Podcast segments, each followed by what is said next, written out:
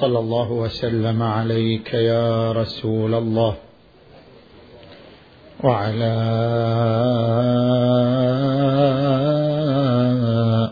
أهل بيتك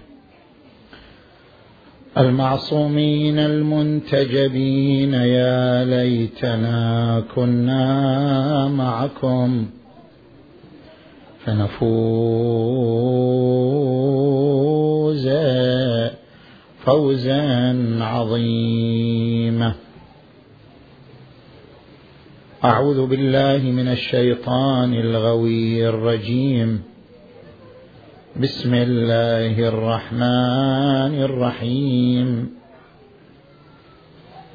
يريدون ليطفئوا نور الله بأفواههم. والله متم نوره. ولو كره الكافرون. آمنا بالله صدق الله العلي العظيم.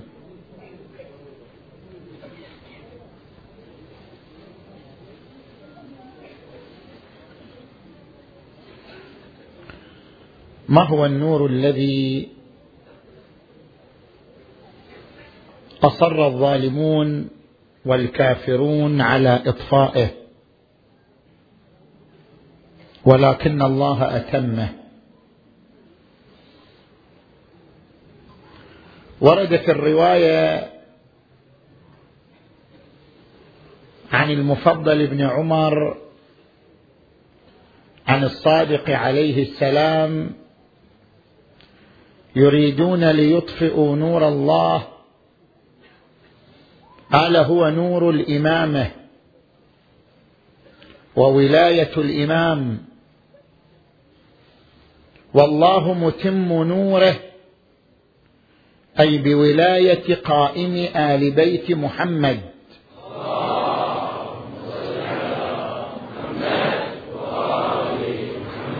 ولو كره الكافرون.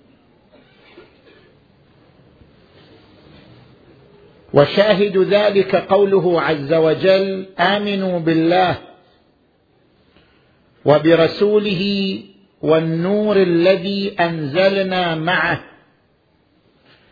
فإن هناك إيمانا بالله وإيمانا بالنبي وإيمانا بالنور. والنور الذي هو غير الإيمان بالله وغير الإيمان بالنبي هو نور الإمامة الذي أتمه الله بالمهدي عجل الله تعالى فرجه الشريف. ولذلك نحن نقرأ في دعاء العهد هذا الدعاء العظيم الذي ورد في حقه أن من قرأ دعاء العهد أربعين صباحا جعله الله من أنصار المهدي. فإن مات قبله أخرجه الله من قبره. اللهم رب النور العظيم ورب الكرسي الرفيع. المراد بالنور العظيم في مبدأ الدعاء هو المهدي عجل الله تعالى فرجه الشريف الذي قال أيضا عنه في بعض فقراته اللهم إني أسألك بوجهك الكريم ونور وجهك المنير ألا وهو نور قائم آل بيت محمد.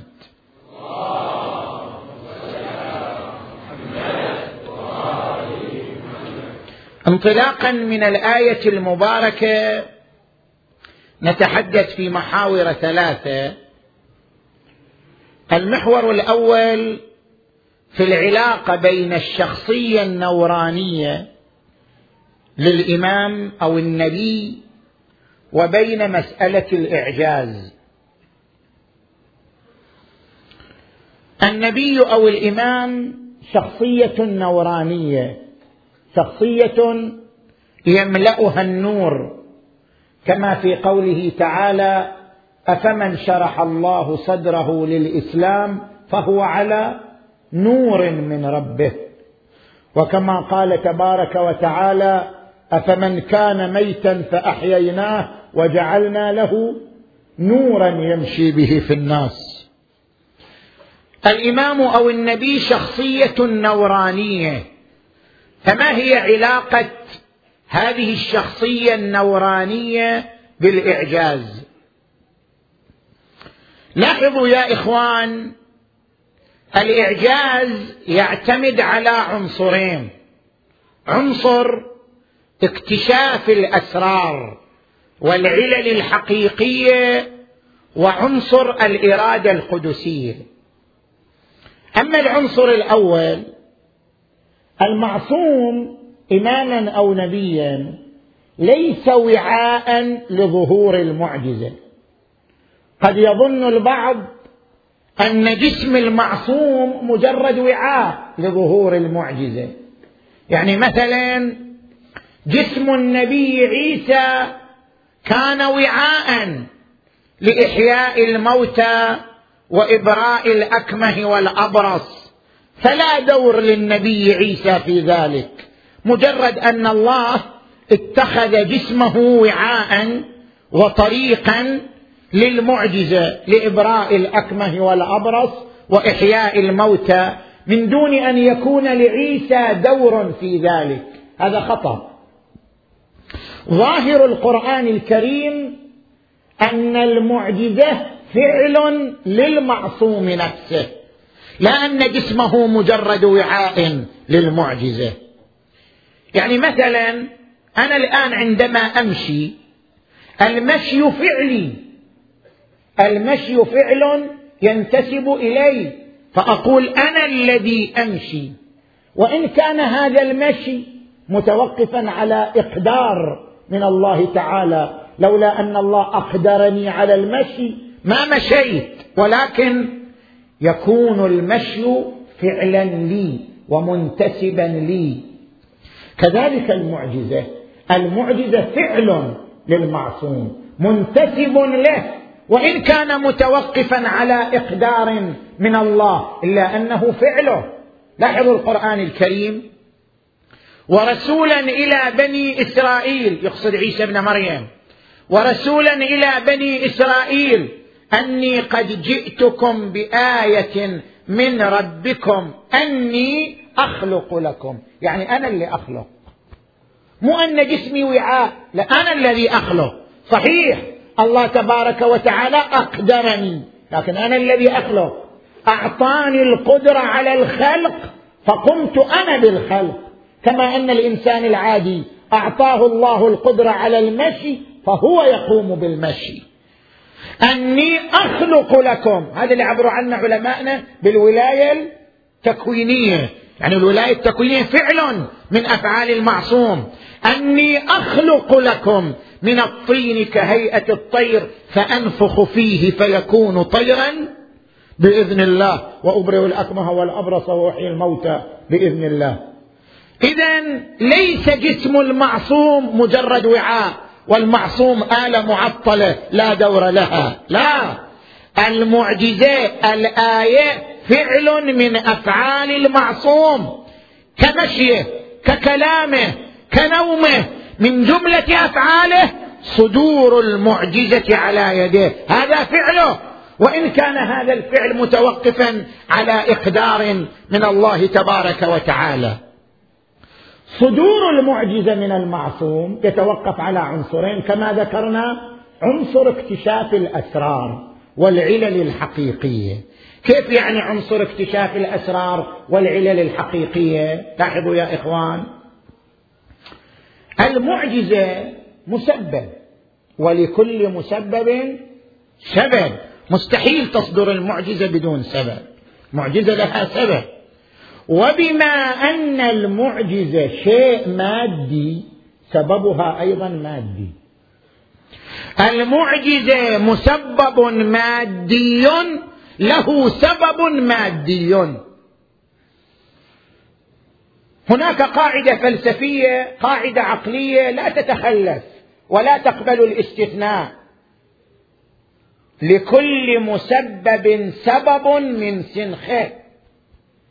يعني إذا عندك تفاحة سببها بذرة تفاح ما يصير بذرة برتقال. إذا عندك مثلا حيوان مثلا آه، شاة سببها أيضا شاة أخرى ما يصير حمار ما يصير حصان. لكل مسبب سبب مادي يسانخه هذا يعبر عنه بقاعدة السنخية بين العلة. والمعلول. وهذه قاعدة عقلية لا تتخلف.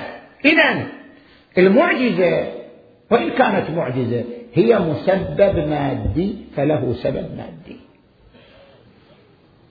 لأن الله تبارك وتعالى يقول وإن من شيء إلا عندنا خزائنه وما ننزله إلا بقدر معلوم. أي شيء ما ينزل إلى عالم المادة إلا بقدر. شنو يعني قدر؟ يعني يحدد علته وسببه وأثره وثمراته.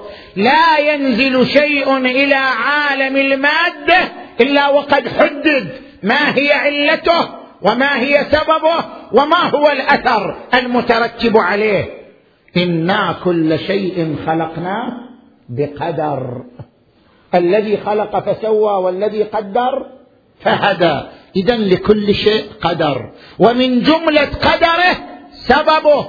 فإذا كان ماديا فسببه مادي. اذا المعجزة بما أنها شيء مادي إبراء الأكمه والأبرص إحياء الموتى طي الأرض هذه كلها أمور مادية. اذا لها سبب مادي. غاية الأمر يا إخوان لكل مسبب سبب ظاهري. وسبب واقعي البشر العادي لا يلتفت إلا للسبب الظاهري ولا يلتفت للسبب الواقعي والمعصوم لأنه كشفت له أسرار الطبيعة وأسرار الكون يصل إلى السبب الواقعي دون السبب الظاهري لا يحتاج إلى السبب الظاهري هل أضرب لك مثال واضح؟ يعني الآن وجود الجنين في رحم أمه. هذا مسبب مادي إلى سبب مادي أيضا. السبب المادي الظاهري هو التلاقح بين الحويمن المنوي وبويضة المرأة. هذا السبب المادي الظاهري. نحن لأننا لم نصل إلى الأسرار الواقعية نمشي على السبب الظاهري. لو سئلنا كيف يولد الجنين كيف يخلق الجنين في بطن أمه لأجبنا؟ إن سببه التلاقح بين الحويمن والبويضة. فنطرح السبب شنو؟ الظاهري الذي جرت عليه نواميس الطبيعة. المعصوم يكتشف سبب واقعي لهذا المسبب. نحن لا نصل إليه. معصوم يقول لا هناك سبب.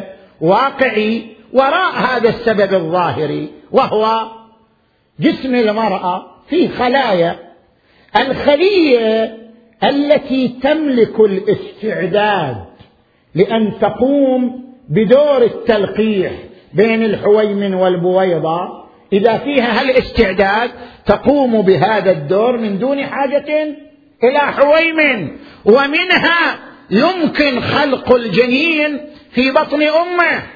اذا شنو الفرق بين المعصوم وغيره؟ حتى نسوي فعل المعصوم معجزة. الفرق هو هذا أن غير المعصوم التفت إلى السبب الظاهري فمشى عليه. أما المعصوم لأنه انكشفت له الأسرار وصل إلى السبب الواقعي. يستطيع المعصوم أن يوجد الجنين في بطن أمه من دون حاجة للسبب الظاهري اعتمادا على السبب الواقعي. اذا المعجزة مسبب له سبب وذاك السبب مادي أيضا لكن ذلك السبب المادي سبب واقعي لا يكتشفه إلا من أعطي علما من الكتاب إلا من أعطي علما بأسرار الكون وأسرار الطبيعة. لاحظت شلون؟ نجي إلى العنصر الثاني عنصر الإرادة القدسية. وهنا يتبين لنا العلاقة بين الشخصية النورانية للمعصوم وبين المعجزة اللي نسميها الولاية التكوينية. كيف؟ ربما يقول قائل يا أخي الأطفال هذه هي قراءة مروه أطفال. ربما يقول قائل إذا كانت العلاقة زين؟ إذا كان المؤثر في المعجزة هو العلم فكلما تقدم العلم سوف يصل إلى الأسرار. وبالنتيجة بعد ما يتقدم العلم بعد ألف سنة مثلا ما راح يصير معجزة. ليش؟ لأن الأسباب المادية الواقعية سيتوصل إليها العلم. فإذا توصل إليها العلم سيتوصل علماء الطبيعة إلى نفس المعاجز التي توصل إليها الأنبياء السابقون. وحينئذ ستكون المعجزة أمر نسبي يعني إحياء الموتى كان معجزة في زمن عيسى.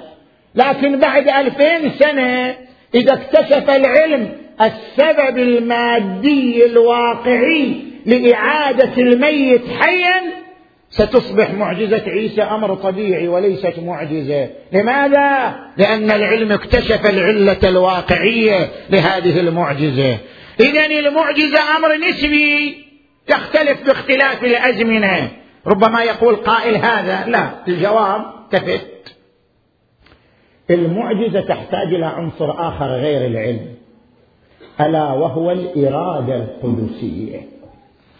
لأن المعصوم شخصية نورانية ثانية في الله متصلة بالله لأنه كذلك يمتلك عنصر آخر مضاف إلى العلم ألا وهو الإرادة القدسية. هذه الإرادة القدسية مظهر لإرادة الله عز وجل كما في قول الحسين عليه السلام إن شئنا شاء الله ولا نشاء إلا أن يشاء الله. أو قول النبي في حق ابنته فاطمة يرضى الله لرضاها ويغضب لغضبها. يعني هذه تمتلك إرادة قدسية. إرادتها القدسية مظهر لإرادة الله تبارك وتعالى. المعصوم يمتلك وراء العلم واكتشاف الأسرار. يمتلك عنصر آخر عنصر الإرادة القدسية. ما هو دور هذا العنصر في الإعجاز؟ طي الأسباب. كيف طي الأسباب؟ يعني مثلا الآن طبيب إحنا ذكرنا في الليالي السابقة لو أن الطبيب أحاط بعلم الجينوم البشري يعني الطبيب اكتشف أسرار الجينات الوراثية. إذا اكتشف الطبيب أسرار الجينات الوراثية وصل إلى الأسباب والأسرار. يستطيع أن يغير لون الجنين وهو في الأسبوع الأول من وجوده في رحم أمه. يقدر يغير الطبيب إذا اكتشف أسرار الجينات الوراثية استطاع الطبيب أن يتحكم في الجنين. يغير لونه يغير شعره وهو في الأسبوع الأول. زين؟ هذا شنو؟ هذا نسميه ولاية تكوينية ومعجزة؟ لا. نسميه ولاية تسمية مجازية. لماذا؟ لأن المعجزة تحتاج إلى إرادة قدسية. والإرادة القدسية دورها طي الأسباب. كيف طي الأسباب؟ يعني هذا الطبيب حتى يتوصل للنتيجة لازم يرتب شنو؟ مقدمات. ما يقدر مباشرة صح لو لا؟ الطبيب لكي يتوصل إلى النتيجة يعد مقدمات. يقوم بمقدمات مختبرية وبعدة قضايا تجريبية إذا أعدها وصل إلى النتيجة. إذا إرادة ما عنده حتى يطوي المقدمات. أما المعصوم هذه المقدمات كلها يطويها المعصوم بإرادته القدسية طيا سريعا. هذه المقدمات الذي التي يأخذ فيها الطبيب يوما مثلا حتى يتمكن من التصرف في الجنين المعصوم يطوي هذه المقدمات بسرعة هائلة في ثانية واحدة. فيصل إلى نفس النتيجة التي وصل إليها الطبيب لكن بإرادة قدسية. إنما أمره إذا أراد شيئا أن يقول له كن فيكون. المعصوم هو مظهر لإرادة الله. إرادته القدسية مظهر لإرادة الله. دور الإرادة طي الأسباب بسرعة هائلة بحيث يصدر منه الفعل المعجز صدورا لحظيا انيا. من هنا تفترق الولاية التكوينية عن العلم الذي قد يصل إليه علماء الطبيعة. لاحظ الآيات القرآنية تعبر عن هذا. أن الاراده القدسيه دخيله. يقول القرآن الكريم ومن يتق الله يجعل له مخرجا ويرزقه من حيث لا يحتسب. ومن يتوكل على الله فهو حسبه إن الله بالغ أمره. وقال في آية أخرى كتب الله لأغلبن أنا ورسلي. كيف يغلب؟ يغلب بالاراده القدسية. كتب الله لأغلبن أنا ورسلي. إنا لننصر رسلنا والذين آمنوا في الحياة الدنيا ويوم يقوم الأشهاد. اذا عرفنا أن الولاية تكوينية والإعجاز يستند إلى عنصرين كما ذكرنا عنصر العلم وعنصر الإرادة القدسية. زين نجي الآن إلى المحور الثاني. صلوا على محمد وآل محمد.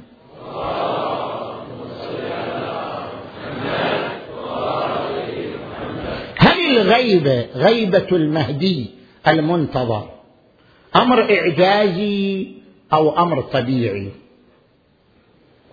خلنا الآن نطرح ثلاثة أسئلة في هذا المحور ونجيب عنها. السؤال الأول هل أن غيبة المهدي بحيث لا يعرفه أحد أمر إعجازي؟ أو أنه لا أمر طبيعي. يعني هل المهدي يمكن أن يصل إليه الظالمون باعتداء وبأذى؟ أو لا ما يمكن. مسألة مسألة إعجازية. لا الغيبة طبيعية مو إعجازية. كيف الغيبة طبيعية مو إعجازية؟ ذكرنا في الليالي السابقة أن المهدي يعيش مع الناس. يأكل يشرب يسافر يتزوج زين يمرض يشفى يتعب يرتاح يحزن يفرح يعيش مع الناس. العيشة الطبيعية تماما. الغائب هو عنوانه فقط. الناس لا يعرفون أن هذا هو المهدي بن الحسن وإلا فهو مع الناس. يعيش بعيشتهم. والروايات تدلنا على ذلك. مثلا ما ورد عن بعض سفرائه إن لصاحبه إن صاحب هذا الأمر ليأتي الموسم يعني الحج كل سنة. يرى الناس ولا يرونه يعني لا يرونه بصفته الشخصية ويعرفهم ولا يعرفونه. وفي رواية معتبرة عن الإمام الصادق عليه السلام يقول إن للقائم سنة من موسى وسنة من يوسف وسنة من عيسى وسنة من محمد.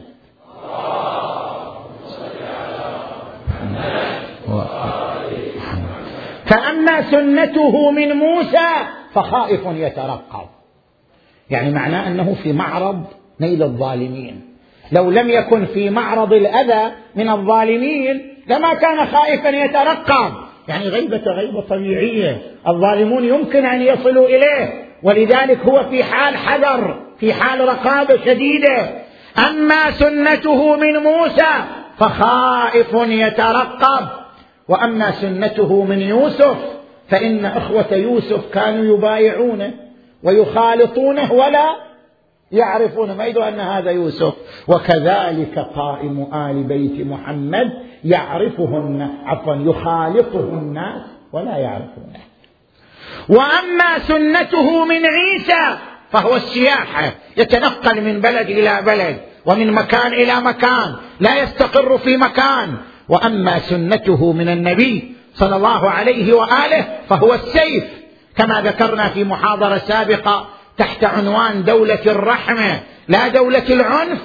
أن المهدي يخوض فترة قتالية مدتها ثمانية أشهر لتطهير الأرض من براثن الكفر والنصب كما ذكرت الروايات حتى يملأ الأرض قسطا وعدلا. اذا غيبة المهدي غيبة طبيعية. ويؤكد ذلك الدعاء اللي إحنا نقرأه كل ليلة. إحنا ليش نقرأ الدعاء إذا؟ الدعاء اللهم كن لوليك الحجة ابن الحسن. هذا دعاء وارد عنه هو. هو الذي علمنا هذا الدعاء. اللهم كن لوليك الحجة ابن الحسن. صلواتك عليه وعلى آبائه. في هذه الساعة وفي كل ساعة وليا وحافظا. يعني إحنا ندعو له بالحفظ. لو كان غيبته إعجازية ولا يمكن أن يصل إليه الظالمون لما كان هناك حاجة لأن يدعى له بالحفظ. إذا غيبته غيبة طبيعية. وليست في مأمن من الظالمين والمعتدين لولا دعاء الخلص المؤمنين له بالحفظ. نجي الآن إلى السؤال الثاني. طيب إذا الغيبه طبيعيه هل الغيبه لعامل بشري أو لتخطيط سماوي؟ الغيبة غيبتان يا إخوان غيبة صغرى وغيبة كبرى. الغيبة الصغرى اللي امتدت 69 سنة من 260 هجرية إلى 329 زين؟ الغيبة الصغرى كانت غيبة لعامل بشري بمعنى أن المهدي لما هجم على داره من قبل الظالمين للبحث عنه اختفى. هذا الاختفاء كان اختفاء لعامل بشري وهو سلطنة الظالمين عليه. لكنه ظل يتصل بالأمة عبر سفراء أربعة عثمان بن سعيد العمري محمد بن عثمان حسين بن روح علي بن محمد السمري وبعدين قطع الاتصال. تحولت الغيبة إلى غيبة كبرى. في الغيبة الكبرى لا هذا تخطيط منه هو. تخطيط هادف بإرادة سماوية اتخذ الغيبة التامة وكان بإمكانه أن يبقى على الغيبة الصغرى. يعني الغيبة التي تعتمد على الاتصال بينه وبين الناس عن طريق السفراء. سفيرا بعد سفير هو الذي قطع المسألة قطع مسألة السفارة واتخذ مبدأ الغيبه الكبرى اتخاذه لمبدأ الغيبه الكبرى تخطيط منه تابع لإرادة السماء. وليس عملا بشريا. كتب إلى آخر سفير إلى علي بن محمد السمري يا علي بن محمد السمري أعظم الله أجر إخوانك فيك فإنك ميت ما بينك وبين ستة أيام فاجمع أمرك. ولا توصي لأحد يقوم مقامك بعد وفاتك فقد وقعت الغيبة التامة. ولا ظهور إلا بإذن الله وذلك بعد قسوة القلوب وطول الأمد. اذا الغيبه الكبرى تخطيط هادف سماوي من قبله عجل الله تعالى فرجه الشريف. نجي إلى السؤال الثالث. السؤال الثالث هل الإمام في غيبته يمارس دورا أو أنه معطل؟ ما عنده أي دور. يعني هل الإمام كالسجين الذي ينتظر أن يفرج عنه؟ وكالمشرد الذي ينتظر تحصيل المأوى؟ أم أن الإمام في عصر الغيبة يقوم بدور خطير قد لا نلتفت نحن لأبعاده. التفتوا إليه. لا الإمام في الغيبه يقوم بدور خطير جدا وهو دور الإعداد لخروجه.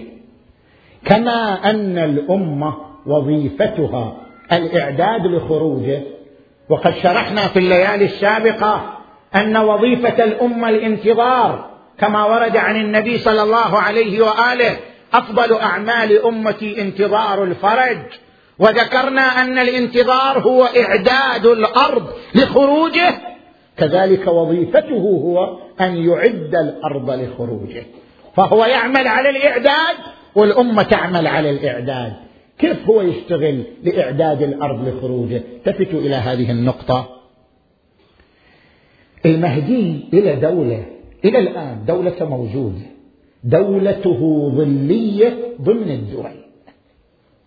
في ظل الدول القائمة له دولة ظلية قائمة بالفعل. المهدي له شبكة ممتدة مترامية الأطراف شرقا وغربا. شبكة ممتدة. آلاف ينتمون إلى هذه الشبكة. ويعملون لحساب هذه الدولة الظلية التي على رأس هرمها المهدي المنتظر عجل الله تعالى فرجه الشريف. ولا يقع حادث في الشرق أو في الغرب في أمريكا في الصين في أي مكان إلا ويصل إليه الخبر في نفس اللحظة نتيجة الشبكة المترامية الأطراف التي تتعامل معه ربما انت الشخص العادي ضمن ضمن هالشبكة وانت ما تشعر. لماذا؟ لأن هناك من يوجهك لفعل معين وأنت لا تدري. وهذا الذي يوجهك قد يكون تحت شخص آخر يوجهه وهو لا يعلم. والكل مرتبط بتلك الشبكة المتمادية الأطراف. هذه الشبكة عبرت عنها النصوص الشريفة. لاحظ. مثلا في دعاء أم داوود دعاء عظيم يقرأ في يوم النصف من شهر رجب المرجب. السلام على الابدال والأوتاد والسياح والعباد والمخلصين والزهاد وأهل الجد والاجتهاد. منهم ذول؟ الابدال والأوتاد منهم. هذول رجال بالفعل موجودين. يقومون برعاية هذه الدولة الظلية المترامية الأطراف. السلام على الأود... على الأبدال والأوتاد. وتقرأ في دعاء آخر. أبدال وأوتاد وأعضاد وأشهاد وحفظة وذواد. كل واحد إلى رتبة. كل واحد في الشبكة إلى رتبة. هذا رتبة من الابدال هذا رتبة من الأوتاد هذا رتبة من الحفظة. لكل رتبته بحسب علمه وبحسب مقامه السلوكي والعملي. اذا بالنتيجة الإمام يقوم بدور كبير جدا وهو في حال غيبته ألا وهو دور الإعداد لخروجه. زين؟ نجي الآن إلى المحور الثالث. صلوا على محمد وآل محمد.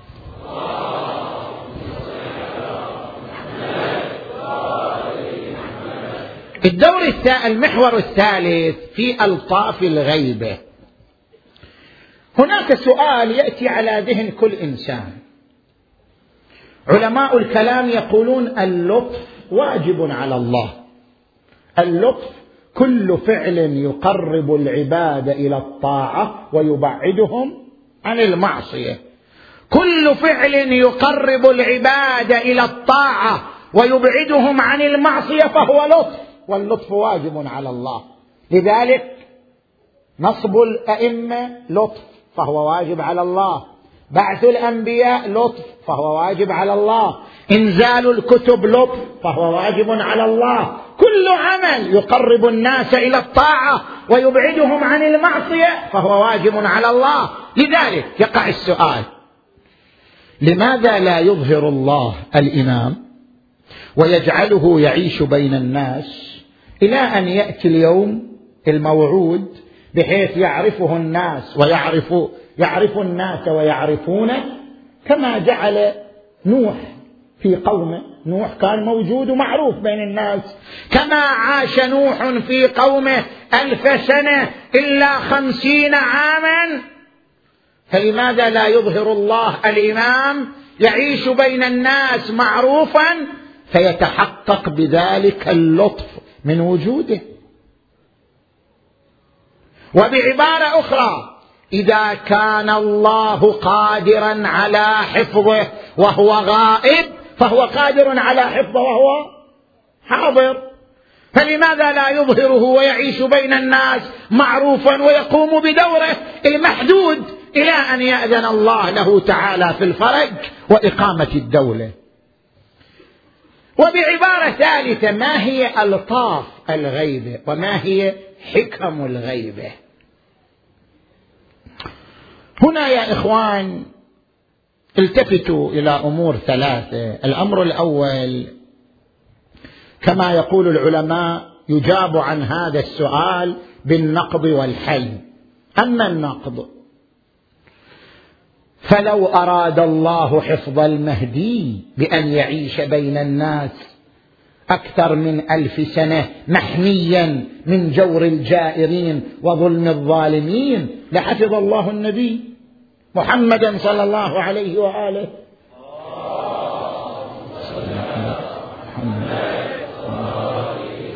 فهو أفضل منه وأشرف المخلوقات.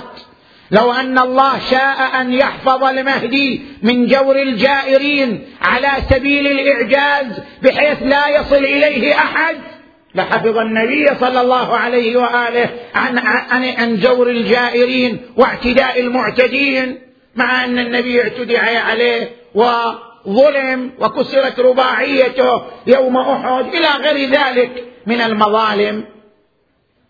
وأما الحل الحل شاءت حكمة الله أن يكون ظهور الدين بالأساليب الطبيعية لا بالأساليب الإعجازية. لماذا؟ لأن الدين يا إخوان والإيمان هو تكامل روحي والتكامل الروحي لا يتفاعل معه الإنسان إلا إذا وصل إليه عن قناعة واختيار ورضا. الأمر الذي يصل إلينا عن إرادة منا وقناعة منا نتفاعل معه. أما الأمر الذي يفرض علينا بالأساليب الإعجازية لا نتفاعل معه. طبيعة الإنسان هكذا. بما أن الدين والإيمان تكامل روحي والتكامل الروحي لا يتفاعل معه الإنسان إلا إذا وصل إليه عن إرادة واختيار. لذلك شاءت حكمة الله أن لا يكون ظهور الدين بالأساليب الإعجازية وإلا لما تفاعل معه الناس. شاءت حكمة الله أن يكون ظهور دينه بالأساليب الطبيعية التي تخلق تفاعلا عند الناس بمعنى بأسلوب الصراع بين الشر والخير والظالمين والمؤمنين. إذا كان ظهور الدين عبر حركة صراع حينئذ يتحقق للدين تفاعل ويتحقق للناس قبول لهذا الدين واختيار لهذا الدين لأنه جاء إليهم عن إرادة منهم. أما لو فرض عليهم بالأساليب الإعجازية ومن دون صراع بين الظالمين والمؤمنين لم يتفاعل الناس مع حركة الإيمان ومع حركة الدين. لذلك قال تبارك وتعالى ولو شاء ربك لآمن من في الأرض كلهم جميعا أفأنت تكره الناس على أن يكونوا مؤمنين؟ وقال تبارك وتعالى لا إكراه في الدين الدين ما يجي على سبيل الإعجاز. يجي أنت أنت تسعى إليه. لا إكراه في الدين قد تبين الرشد. من الغي. إذا شاءت حكمته أن يخفي الإمام لأن ظهوره سيعرضه لظلم الظالمين. ولو حفظه من ظلم الظالمين لكان ذلك إعجازا. وإذا كان إعجازا صار ظهور الدين بأساليب غير طبيعية وإنما بأساليب إعجازية. ليهلك من هلك عن بينه. ويحيى من حي عن بينه. هذا الأمر الأول. الأمر الثاني يا إخوان الإمام نفسه هناك حكمة ترجع للإمام نفسه من جهة الغيبة. ما هي الحكمة؟ الحكمة هي التي أشار إليها. عجل الله تعالى فرجه الشريف في قوله لسفيره محمد بن عثمان العمري. سفيره محمد بن عثمان كتب إليه ما هو وجه الغيبة ليش غائب؟ التفتوا إلى هذه العبارة عبارة الإمام. قال وأما وجه غيبتي فإنه لم يكن أحد من آبائي إلا وفي عنقه بيعة لطاغية من طواغيت عصره. وأما أنا فأخرج حين أخرج وليس في عنقي بيعة لأحد من الطواغيت. يعني أنا يختلف دوري عن دور آبائي. دور آبائي كان هو دور التعليم والإرشاد والإعداد للدولة الخاتمة لذلك لم يكن من المنقصة أن يجبر أحد من آبائي على بيعة طاغية زمانه وأن يكره أحد من آبائي على بيعة طاغية زمانه أما أنا دوري هو دور شنو؟ إزالة الظلم. دوري دور إقامة الدولة الخاتمة. دوري دور القضاء على الظلم كله. إذا كان دوري هو القضاء على الظلم كله فلا ينسجم معي أن يكون في عنقي بيعة لظالم. إذا دوري يختلف عن دور آبائي. آبائي المعصومون عليهم السلام كان دورهم محدودا وهو الإعداد للدولة. لذلك من الممكن أن يبايعوا الظالم إكراها واجبارا. لم يكن أحد من ابائه الا وفي عنقه بيعه بالقسر والإجبار. حتى الحسين اللي رفض بيعه يزيد هو أخذت منه بيعة معاوية. يعني ماكو إمام مر عليه عصر إلا وأخذت منه بيعة لظالم قسرا عليه. لاحظت شلون؟ اذا الإمام المنتظر يقول أنا دوري القضاء على الظلم. وهذا الدور يتوقف على أن لا يكون في عنقي. بيعة لظالم ولو كانت بيعة إكراهية. لذلك شاء الله غيبتي واختفائي كي لا يكون في عنقي بيعة لظالم أو لأحد من الطواغيت. نجي إلى الأمر الثالث يا إخوة. الأمر الثالث إحنا شنو نستفيد من الغيبة؟ طيب الإمام غاب إحنا شنو نستفيد من الغيبة؟ ربما يقال بأن الغيبه ضرر وليست نفعا لأن الغيبه خلقت تيارات متصارعة وفرقا من المسلمين متحاربة وأوجبت ارتدادا عند قسم من الناس عن الدين أو عن التشيع. اذا الغيبه ضرر وليست نفعا بالنسبة للأمة. نقول لا. هذا السؤال يرد حتى على الفترة اللي بين النبي وبين بين النبي عيسى وبين النبي صلى الله عليه وآله. فترة اللي بين النبي والنبي عيسى نفس الشيء. ارتد ناس تكثروا تحاربوا تحولوا إلى فرق مختلفة. هذا مر على جميع الفترات بين الأنبياء. هذا السؤال يرد. الجواب عنه الغيبة بالنسبة لنا امتحان. الغيبة بالنسبة لنا اختبار عسير. الغيبة بالنسبة لنا غربلة يعرف منها الثابت من غيره. الغيبة بالنسبة لنا امتحان لإرادتنا امتحان لصمودنا امتحان لمقدار ثباتنا وإصرارنا على مبادئنا. الجابر جابر الجعفي يسأل الإمام الباقر عليه السلام متى فرجكم؟ قال هيهات بعد وقت انتهى. هيهات هيهات لا يكون فرجنا إلا حتى تغربلوا ثم تغربلوا ثم تغربلوا. قالها ثلاثا حتى يزيل الله الكدر ويبقي الصف. وفي رواية عن الإمام العسكري عليه السلام إن ولدي هذا هو القائم من بعدي وإن فيه سنن الأنبياء من التعمير والغيبة وإنه لا يظهر إلا بعد قسوة القلوب وطول الأمل ولا يبقى على القول به إلا من كتب الله في قلبه الإيمان وأيده بروح منه. إذا الغيبة غربلة لنا وتنظيف لنا واختبار لإرادتنا ومدى ثباتنا إحنا ما قاعدين ندعو لليأس ما قاعدين ندعو للتشاؤم إحنا ندعو للتفاؤل.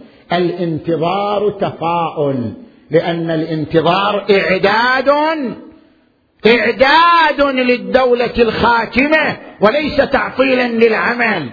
لاحظوا يا إخوان وياي كم دقيقة وأختم في المجلة التربوية عدد واحد وتسعين. هناك دراسة قام بها مجموعة من الباحثين على عينة من شباب الخليج من الكويت من البحرين ومن عمان. هذه الدراسة عن التشاؤم والتفاؤل. وجدوا أن أغلب شباب الخليج يعني فوق سبعين بالمئة متشائم. رايح قاضي. ليش؟ التشاؤم كما يعرفه علماء النفس التشاؤم سمة وليست حالة وهو عبارة عن توقع. عن توقع آه، أسوأ النتائج من أي عمل يقدم عليه الإنسان. التشاؤم اولا سمة مو حالة. يعني شنو مو حالة؟ يعني التشاؤم مو حالة عابرة. واحد متأذي خمس دقائق وبعدين صار زين. هذا ما يسموه تشاؤم. التشاؤم سنة. يعني أن تكون الشخصية شخصية متشائمة. تشاؤم سمة يعني عنصر راسخ في الشخصية. والتشاؤم عبارة تشوف كثير من الناس إذا بيقدم على عمل دائما يتوقع شنو؟ الأسوأ. ما يتوقع الأفضل. إذا توقع الأسوأ من النتائج. هذا يعد سمة التشاؤم. ما هو منشأ التشاؤم وما هو علاج التشاؤم؟ أما منشأ التشاؤم أسباب التشاؤم فأهمها سببان ثقافة المحيط والخطأ في تقدير المواقف. كثير من الناس يعيش في محيط متشائم أسرة أسرة يائسة تربية على اليأس. أو يعيش في مجتمع متشائم يغذيه بثقافة اليأس بثقافة الإحباط بثقافة الفشل والعجز. فيلتقط من هذا المجتمع سمة التشاؤم. وهذه مشكلة خطيرة جدا. زين؟ والسبب الآخر الخطأ في تقدير المواقف. شوف الآن كثير من شبابنا إذا تسأله ما هو منهجك؟ أنت عندك مشاريع عندك آه، خطط. شنو منهج في خططك ومشاريعك؟ يقول لك منهجي المحاولة ثم الخطأ. يعني أنا أطب بالمشروع وبعدين أكتشف شنو؟ أنا غلطان لو مو غلطان. زين؟ منهجه هو الإقدام ثم اكتشاف الخطأ. وهذا منهج خطير. هذا المنهج هو اللي يخليه دائما يقدر المواقف. تقدير خطأ نتيجة عدة مواقف يخطئ فيها يصاب بروح التشاؤم. عليك أن تكون في منهجك ومشاريعك وخططك معتمد على المشورة معتمد على دراسات للمتخصصين في أي مجال تريد أن تدخل فيه. لا تقتحم بدون دراسة. النبي صلى الله عليه وآله يوصي أبا ذر يا أبا ذر إذا هممت بأمر فتدبر عاقبته فإن يك خيرا فأمضه وإن يك شرا فانتهي عنه لاحظت شلون؟ هذا هذه أسباب التشاؤم، شنو طرق علاج التشاؤم؟ التفت إلي أهم الطرق ثلاثة. الطريق الأول الأجواء الروحية ترى الأجواء الروحية تزرع التفاؤل أجواء المسجد أجواء الدعاء أجواء العبادة خصوصا صلاة الليل اللي إحنا بعيدين عنها. صلاة الليل رزق مو رزق مادي رزق نفسي. يزرع في الإنسان التفاؤل والإرادة والقوة والحزم. الأجواء الروحية تزرع في النفس التفاؤل. ألا بذكر الله؟ تطمئن القلوب. هذا طريق. الطريق الآخر الصديق الناجح. إذا تشوف صديقك فاشل ولا مع السلامة؟ الصديق يأثر على حياتك. اختار الصديق الناجح. الصديق الموفق في حياته. الإنسان المتفائل في أموره. الصديق الناجح. يساعدك على روح التفاؤل وروح الأمل وروح الانبعاث نحو بناء الحياة. لاحظت شلون؟ هذا الطريق الثاني. الطريق الثالث ثقافة. إحنا محتاجين إلى أن تكون ثقافة منابرنا ومساجدنا وقنواتنا الفضائية.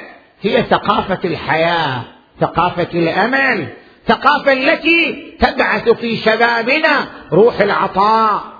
وروح الإنتاج وروح الإقدام حتى لو خيمت عليهم ظروف مكفهرة حتى لو استحكمت عليهم ظروف خانقة علينا من خلال منابرنا ومساجدنا وقنواتنا أن نبعث فيهم روح الأمل وروح التفاؤل وروح القدرة والثقة بالنفس على القدرة على الإنتاج. هذا ما نستفيده. من قيم كربلاء. كربلاء شنو؟ كربلاء مجموعة قيم. كربلاء تعلمنا على الحياة. الحسين كان يقدس الحياة وهو في آخر لحظات الحياة. يعني يبعث في أصحاب الأمل نحو بناء الحياة وهو في آخر لحظاته من الحياة. أنصار الحسين كذلك أصحاب مبادئ وقيم حياتية لا قيم ظلامية. علي الأكبر هذا الشاب اليافع الذي يقول لأبيه الحسين أولسنا على الحق يا أبتاه؟ قال إذا لا نبالي. قال بلى قال إذا لا نبالي. وقعنا على الموت أم وقع علينا؟ إحنا أصحاب مبادئ. لا يعيقنا طعن السيوف طعن ضرب السيوف ولا طعن الرماح. قال جزاك الله خيرا من ولد عن والده. وتشوف الحسين لما ودعه يوم كربلاء احتضر الحسين وهو ينظر إليه. كان ولد غالي عزيز على الحسين. وقف الحسين على نشز من الأرض والأكبر يقاتل. وجلست ليلى على بعض الروايات تنظر إلى وجه الحسين. إذا رأت وجه الحسين تغير لونه انقبض قلبها. بينما هي تنظر وإذا بالحسين انقبض وجهه قالت أبا عبد الله قطعت نياط قلبي. هل أصيب ولدي بسوء؟ قال لها لم يصب بسوء ولكن برز إليه من يخاف عليه منه. برز إليه بكر بن غانم. قالت ماذا أصنع أبا عبد الله هذا ولدي الوحيد. قال ادخلي خيمتك وادعي ربك فإني سمعت ممن سمع عن رسول الله. دعاء الأمهات في حق أولادهن مستجاب. وإذا بليلى تدخل خيمتها ها وترفع يديها ها إلهي بحق غربة أبي عبد الله. إلهي بحق وحدة أبي عبد الله. إلهي بحق عطش أبي عبد الله. يا راد يوسف على يعقوب رد علي ولدي علي. انتهت من دعائها وإذا بالأكبر يعود من المعركة. قتل بكر بن غانم رجع وقف على رأس الحسين. أبا عبد الله لقد قتلت بكر بن غانم. ما هي جائزتي؟ ماذا تريد بني؟ قال صيد الملوك. أرانب وثعالب.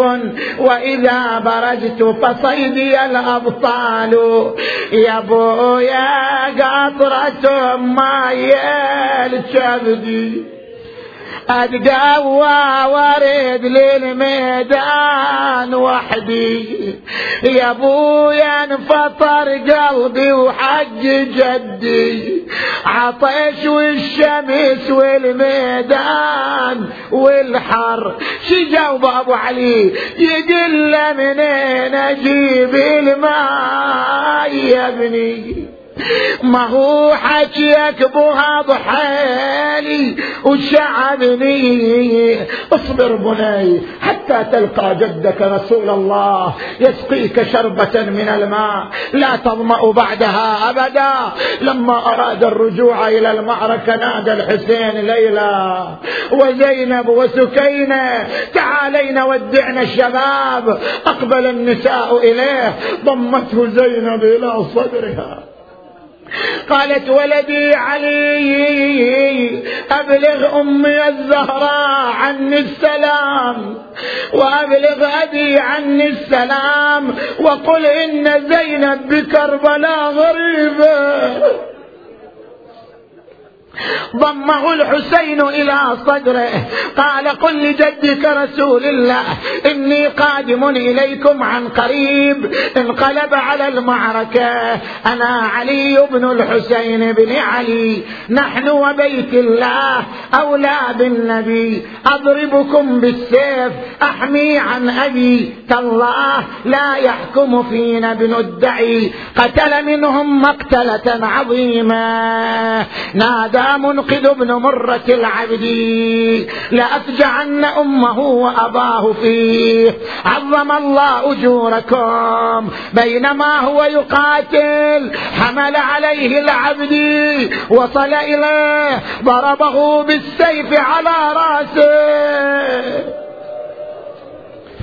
شبك على فرسه أخذته الفرس للأعداء هذا يطعنه برمحه وهذا يضربه بسيفه وهو ينادي أبا حسين.